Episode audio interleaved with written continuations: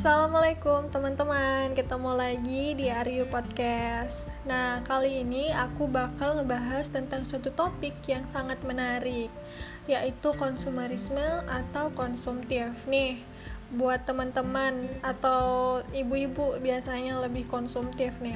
Gimana cara kita menahan diri? Apalagi sekarang ini kan bentar lagi bulan puasa ya tinggal beberapa bulan lagi. Biasanya identik dengan lebaran baju baru mobil baru ya. Kalau rumah baru lebaran ntar pusing ya kalau tiap lebaran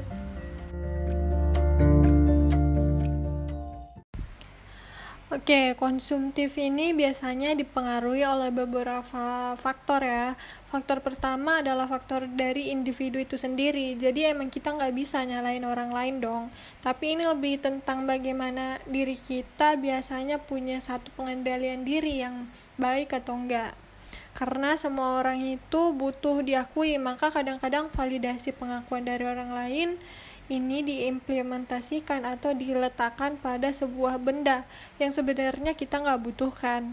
Tapi supaya kita dapat validasi dari orang lain, maka kita rela melakukan segala hal yang buat ngedapetin barang tersebut. Nah, kemudian ini juga faktor yang mungkin bisa kita uh, bilang sebenarnya sifat netral ya kalau stimulus dari luar kayaknya kayak iklan online uh, offline atau kadang-kadang kita ngeliat warna merah, warna kuning yang tulisannya gede banget itu kayak 50% yang bikin kita sampai nengok gitu. Itu juga yang berpengaruh, tapi ada juga orang yang kalau ngeliat 50% tuh kayak biasa-biasa aja kayak uh, ngelihat buy to get one tuh kayak biasa aja. Terus gimana sih cara kita mengendalikan stimulus netral itu? Nah, yang pertama adalah tentang bagaimana kita mengontrol diri kita dulu ya. Ini sebelum kita ngontrol perilaku kita, kita harus tanya dulu ke diri kita secara kognitif nih kita dengan penuh kesadaran kita nyadarin nih kita borosnya di mana. Karena masing-masing setiap individu itu borosnya tuh beda-beda. Ada orang yang borosnya di lifestyle terkait sama baju sepatu tas. Ada juga yang borosnya di makanan yang jajanannya tuh selalu hedon gitu. Yang suka selalu di kafe-kafe mahal atau ada juga yang uh, borosnya tuh beli sesuatu peralatan gadget elektronik yang sebagainya jadi itu semua berbeda-beda dan happiness thing atau sesuatu yang membuat dia happy itu berbeda. Caranya dengan kita menyadari kita borosnya di mana, kita harus lebih aware meningkatkan pesan awareness kita ke dalam mengonsumsi barang tertentu.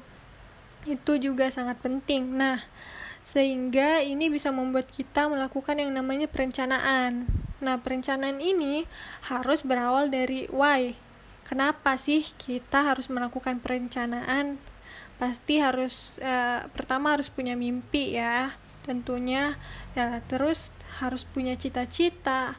Apa yang dicita-citakan di masa depannya? Soalnya uh, pengen punya rumah bagus nih. Pengen atau pengen liburan juga nih. Nah dengan cita-cita atau dream atau vision itu maka seseorang bisa merencanakan dengan baik Planning ini menjadi salah satu yang bisa membuat perilakunya terbentuk sehingga akhirnya ada yang namanya penganggaran pos-pos tertentu. Biasanya ada biaya untuk A, biaya B, biaya C.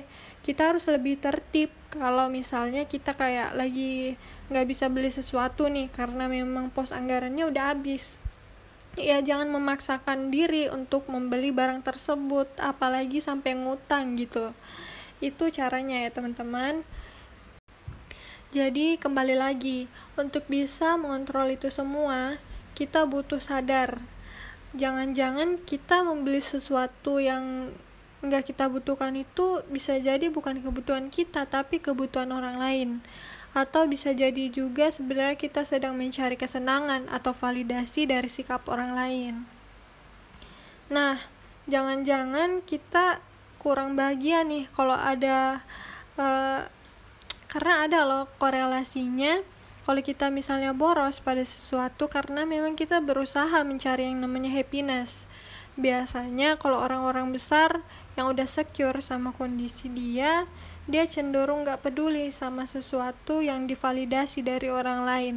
Contohnya Warren Buff.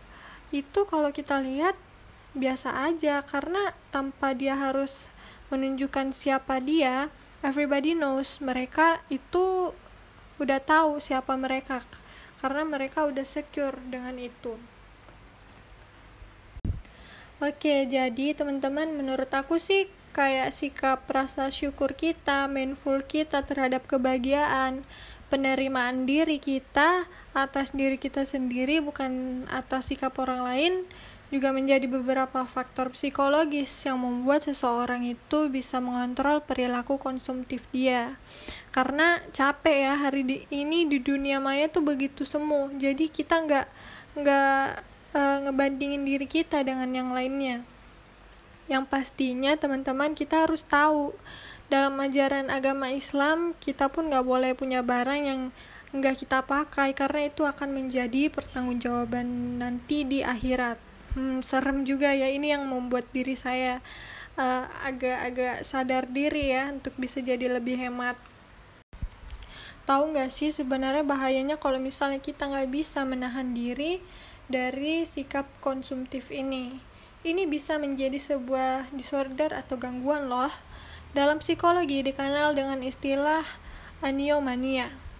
Cukup banyak yang dialami oleh perempuan yang utamanya itu ibu-ibu yang biasanya kita tuh cenderung konsumtif karena kita biasanya butuh penerimaan dari apa yang kita gunakan kondisi ekstrim ini.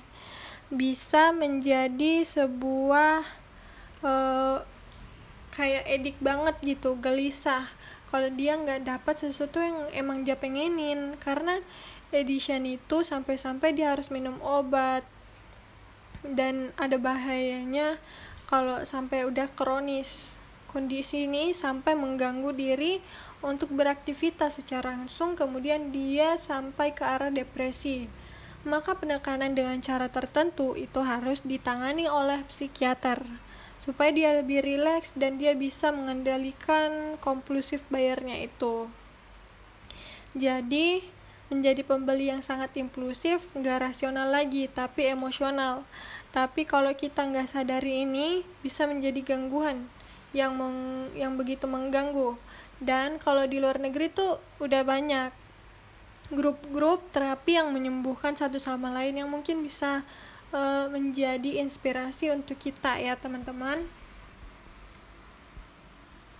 Oke teman-teman daripada kita boros mendingan kita lebih baik banyakin pos anggaran zakat nih siapa tahu itu jadi tabungan kita nanti di akhirat dan yang pastinya namanya orang zakat itu Allah pasti menjanjikan kalau nanti itu akan digantikan lebih barokah lagi dan lebih banyak lagi.